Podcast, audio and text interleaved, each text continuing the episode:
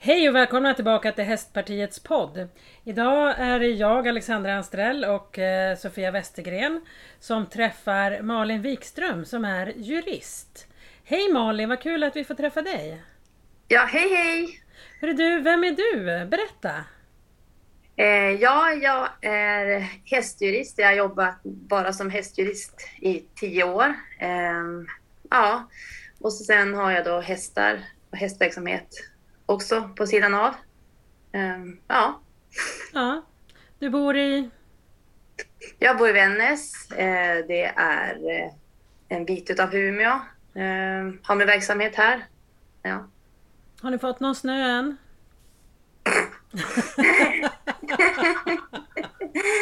Nej, jag kan väl säga att vi har precis samma väder här som det är i Mantorp som det var i början på veckan när vi var på SM där. Så det, mm. Det är väl precis likadant. Det är soligt eller så är det åska och störtregn. Eh, mm. Det är väl som... Hela landet har ungefär samma sak. Okay. Och Mantorp också, det har ju gått SM va? Ja. Mm. Mm. red du SM eller vem? Eh, berätta. Eh, nej, det är mina barn som tävlar. Jag har tre döttrar som tävlar i hoppning. Eh, de har ju ridit ponny allihop då, men just nu så har jag två döttrar som tävlar ponny och en som rider storhäst. Eh, och precis innan det här mästerskapet så sammanställde jag, kollade lite grann hur, hur länge jag håller på och då insåg jag att jag, det var mitt eh, 19 mästerskap som eh, ryttarmamma då mm. i år. Så det var, jag håller på några år. Första SM var 2014. Hur många hästar har ni då? Eh, tio stycken har vi wow. hemma. Mm. Eh, vi har eh, tre ponnyer och så har vi sju stora hästar just nu. Mm. Alla hopphästar? Ja, bara hopphästar. Ja. Mm. Måste man ha så många hästar när man har tre döttrar som tävlar? Mm, ja, alltså egentligen så hade det väl räckt med en var. Eh, en riktigt bra. Eh, men å andra sidan så håller de ju på att ta fram hästar i, i, olika nivåer så man kan väl ha en som är, som är klar och så sen har man någon som är på väg upp och så sen kanske någon som är lite yngre och lite grön och så får man ju som jobba sig uppåt. Det är mm. svårt att ha råd att köpa helt färdiga hästar. Det är ganska mm. dyrt. Så. Mm. Och det ingår väl även i utbildningen, tänker jag, som ryttare, att man lär sig att man, man får ha hästar på olika nivåer också. Så att. Mm. mm. Sen har vi ju möjligheten när man har en stor gård att man kan ha många hästar också. Eh, det är ju det är olika beroende på vilka förutsättningar man har. Om man har många boxar så kan man ha många hästar. Men det här tror jag är ganska intressant där Malin. Vad, vad, kostar en, en ung häst och vad kostar en färdig häst? Varför köper man inte en färdig häst direkt? En häst som går SM. Ja, ja om, du, om vi pratar om om vi pratar om en D-ponny till exempel så kan man ju köpa en, en ganska lovande femåring, tänker jag. Eh, för drygt hundra om man har väldigt tur. Det är ganska dyrt med hästarna. De ligger mycket högre idag än vad de gjorde för några år sedan.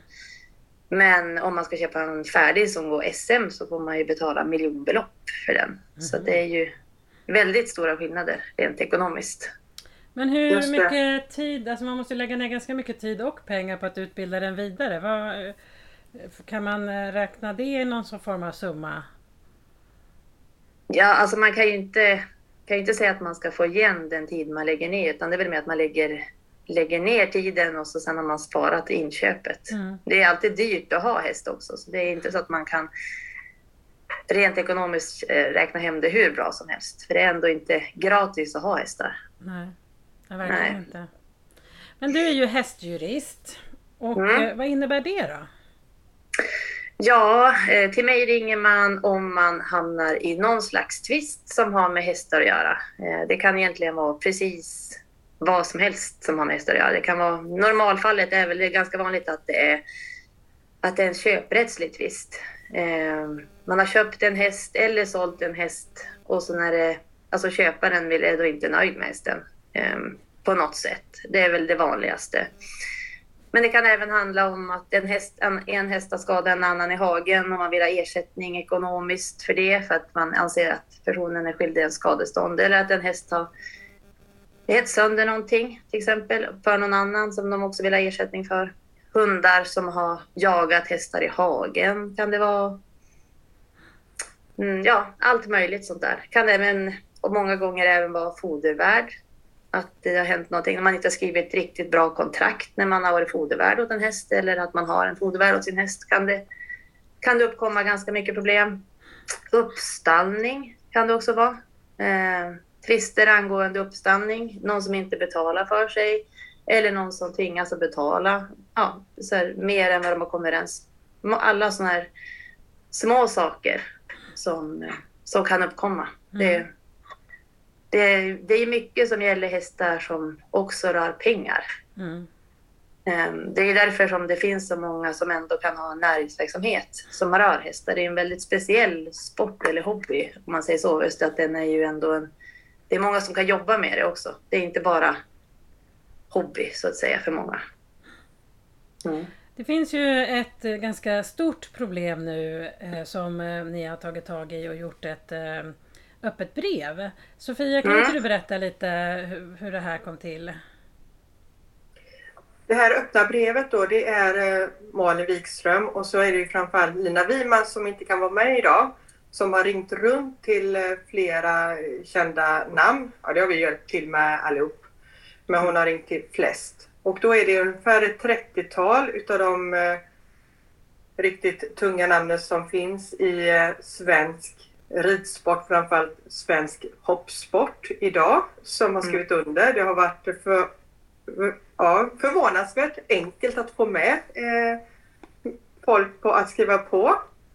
Mm. Och det, det, handlar helt enkelt om att man ska rädda hästen från konsumentköplagen för det har kommit fram med all önskvärd tydlighet att hästar far illa ur denna, av denna lag som är framtagen för att skydda konsumenten när konsumenten köper varor, alltså döda ting eh, utav mm. Eh, någon näringskedja eller ja, större affärer och, och, liknande. Men det som händer i hästaffärer det är ju att de här partsförhållandena är ju annorlunda så även en konsument, en köpare kan ju vara likvärdig med säljaren eller till och med starkare. Alltså de här givna förhållandena finns inte i eh, hästhandeln så som det finns om du köper ett kylskåp av en eh, vitvarukedja. Och det här har då lett fram till att den är processdrivande och det är här som är knuten i det onda egentligen. Och hästar far illa när det blir rättsprocesser som ofta tar över ett år. De far riktigt, riktigt illa. Så det är så illa så att för många hästar varje år möter döden. Mm. Jag ska gå vidare lite på det alldeles strax tänkte jag. Men vad är det ni uppmanar eller lovar eller vad är det ni ställer er bakom i det här brevet? Till, eh, det var till Morgan Johansson va? Ja, det stämmer. Eh, de som har skrivit på det här, de har ju sagt att om det är så att inte Sverige eh, väljer att eh, plocka ur levande djur ur konsumentköplagen så kommer de inte längre att sälja till konsumenter, alltså hästar. Till privatpersoner? Ja, precis, till privatpersoner. Mm. Jag tänker, det finns ju massa problem med att man har då, eller att man jämställer hästen med ett kylskåp. Kan du ge något exempel Malin där du har varit med och, och det har varit en tvist? Och, och, ja. jag, jag, tänker väl att det första man måste tänka sig eh, det är ju så att det går ju inte att jämföra en levande individ med till exempel en nyproducerad vara.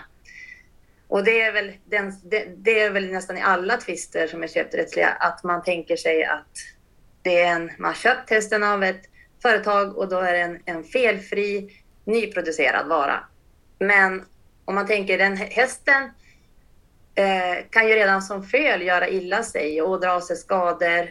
Och egentligen så är den ju redan när den är sex månader är den ju redan en begagnad vara. Så att man eh, måste ju se på den inte som en ny vara, nytillverkad, utan att man får vis, räkna med ett visst slitage. Men som det är idag så blir regelverket att det tillämpas som att den ska vara en felfri vara man har köpt. Ehm, och då krockar det lite grann just det här med att det, det är liksom en begagnad vara. Eh, sen i konsumentköplagen så finns det en 20a-paragraf eh, som är som en presumtionsregel eh, som innebär att fel som hittas inom sex månader från försäljningen, det, det anses ha uppkommit innan köpet. Eh, och då ligger det istället bevisbördan läggs då i processen, läggs på säljaren som ska då visa att det här felet inte fanns vid köpet. Och då blir det ännu ett större problem. Det är då att hästen finns ju inte. Det finns ingen möjlighet för säljaren att undersöka hästen eftersom den står hos köparen. Eh, och man har ingen rätt att undersöka den heller, utan det blir ju ändå, även fast bevisbördan ligger på säljaren, så är det ändå köparen som har varan i sin besittning. Så det blir en ganska stor omöjlighet för just säljarna i det här. Och vad kan det här innebära då för en säljare? Då har företrätt några som det här har hänt. Då blir man alltså typ stämd eller hur funkar det?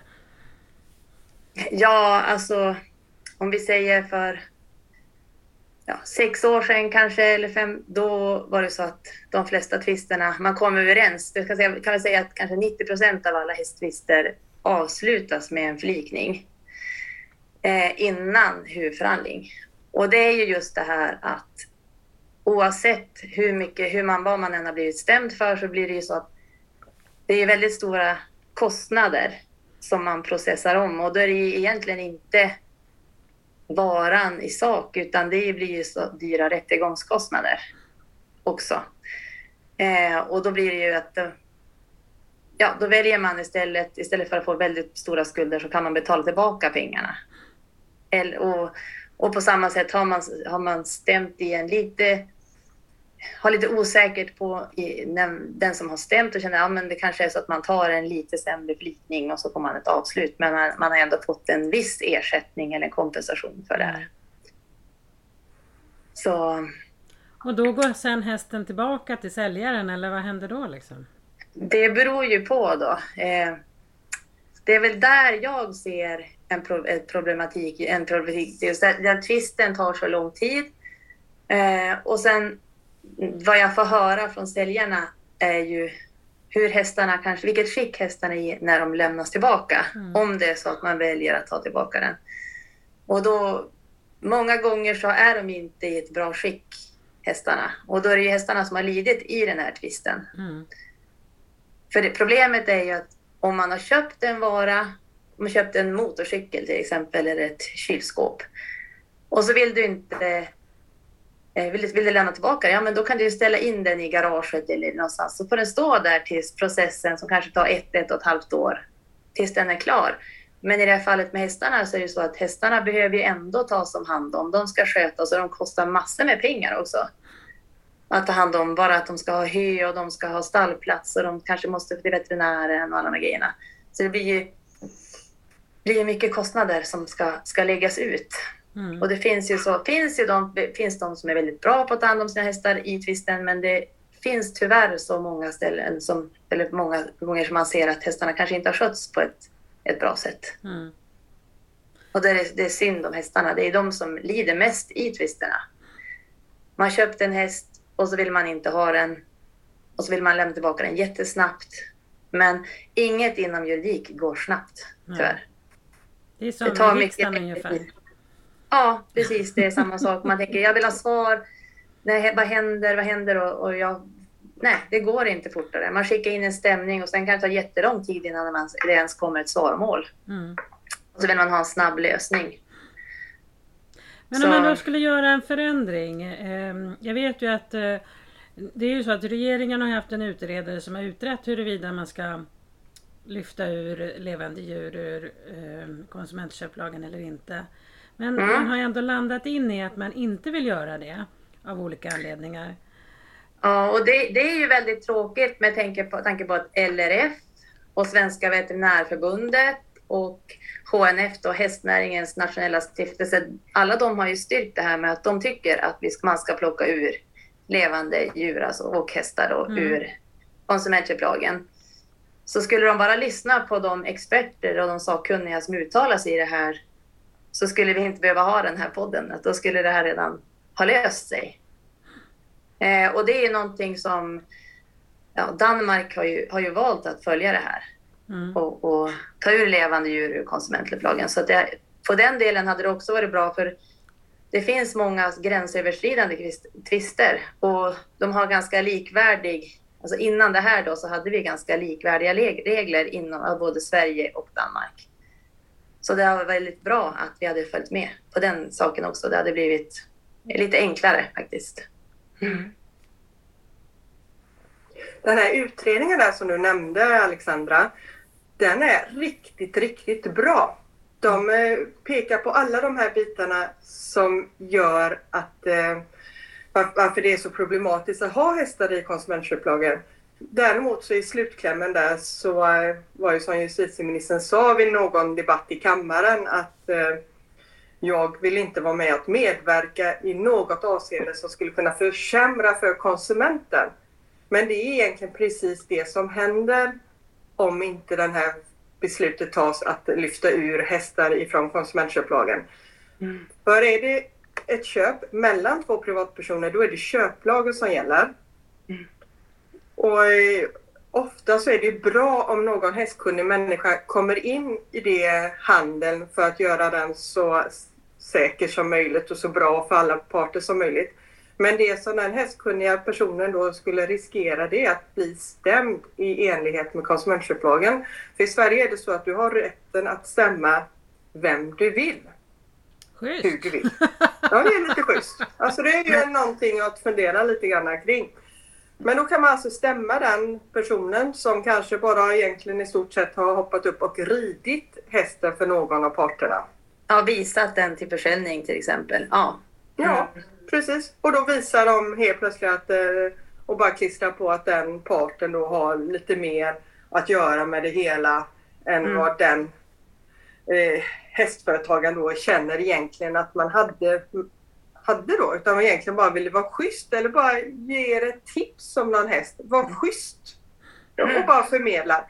Och så blir det inte riktigt som alla har tänkt sig. Och vips så åker man på en stämning. Så det som händer nu är att de hästkunniga människorna säger att de vet inte om det finns någon häst eh, till försäljning. De har ingen aning om eh, eh, någonting egentligen förrän man de facto verkligen går in i en affär. Jag pratade med en eh, eh, kille nu som har ett hästföretag som är duktig, som är med i yttersta eliten och har varit där i många år. Han, han sa det, jag tar 50 000, då vet jag hästar. Men fram till det, den potten så, så har jag faktiskt ingen aning. För att det kostar mig lika mycket oavsett om hästen kostar 500 000 eller om den kostar 5 miljoner eller 15 miljoner. Så Mm. tar det mig lika mycket kraft om jag skulle bli stämd. Ja. Mm. Så det på något sätt är ju det schysst liksom. Så att här Rädda sitt hästen från konsumentköplagen, då hamnar konsumenten i kläm och kommer inte få tillgång till all hästkunskap som Sverige har. Så. Men vad Sen är- tänker man, i, vad, vad är pro- problemet? Vad är man rädd för att konsumenten inte ska få för skydd om man använder köplagen istället? Eh, Ja, alltså det är ju så att om man kan tillämpa konsumentköplagen så Ja, det finns ju de här... Eh, som konsument har du ju inte någon undersökningsplikt alls, till exempel.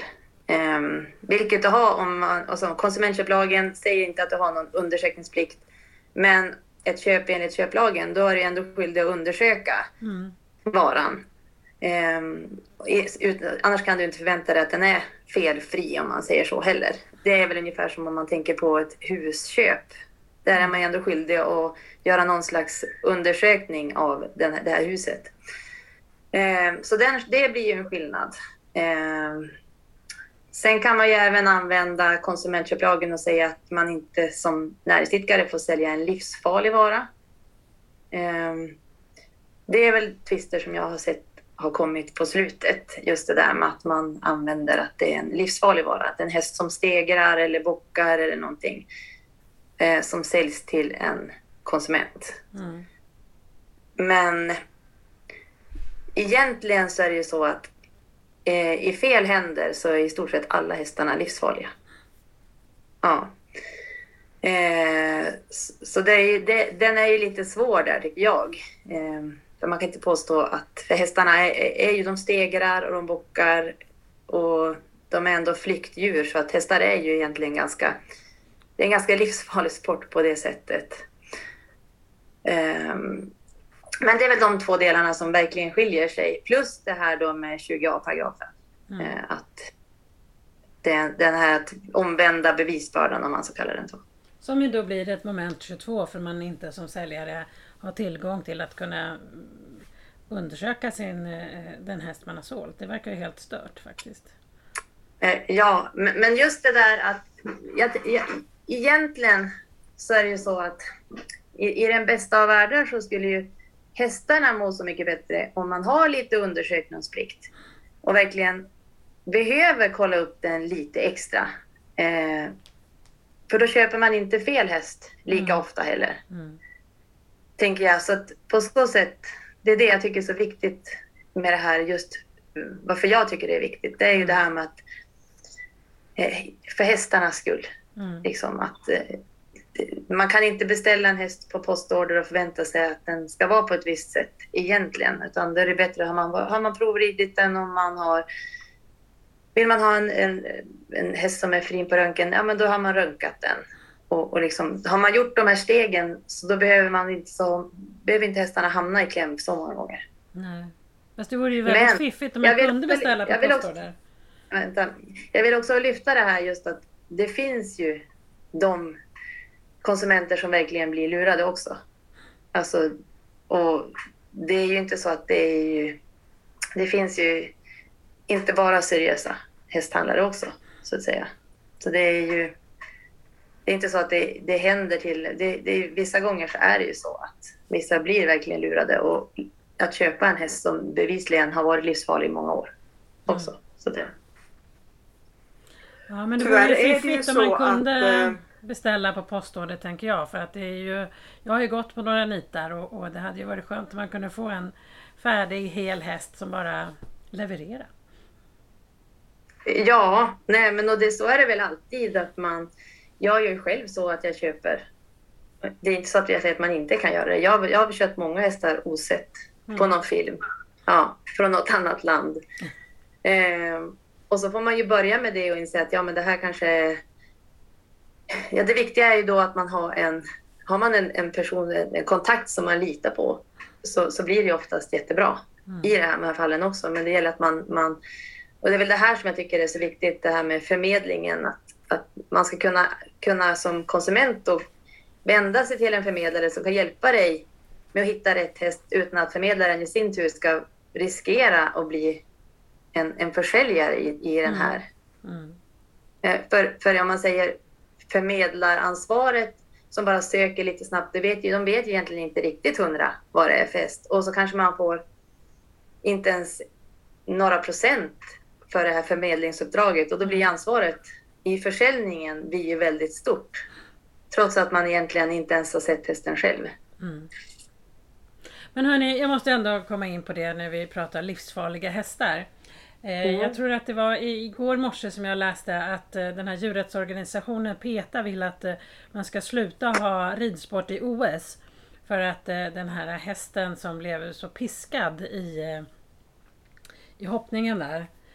Vad säger ja, ni om det här med piska det var ju fem, fem, modern femkamp ja. ja. Så att det, det är ju inte någon vanlig hästsport det här hemska hände. Det var ju ja, som ett redskap användes den. Ja. Mm.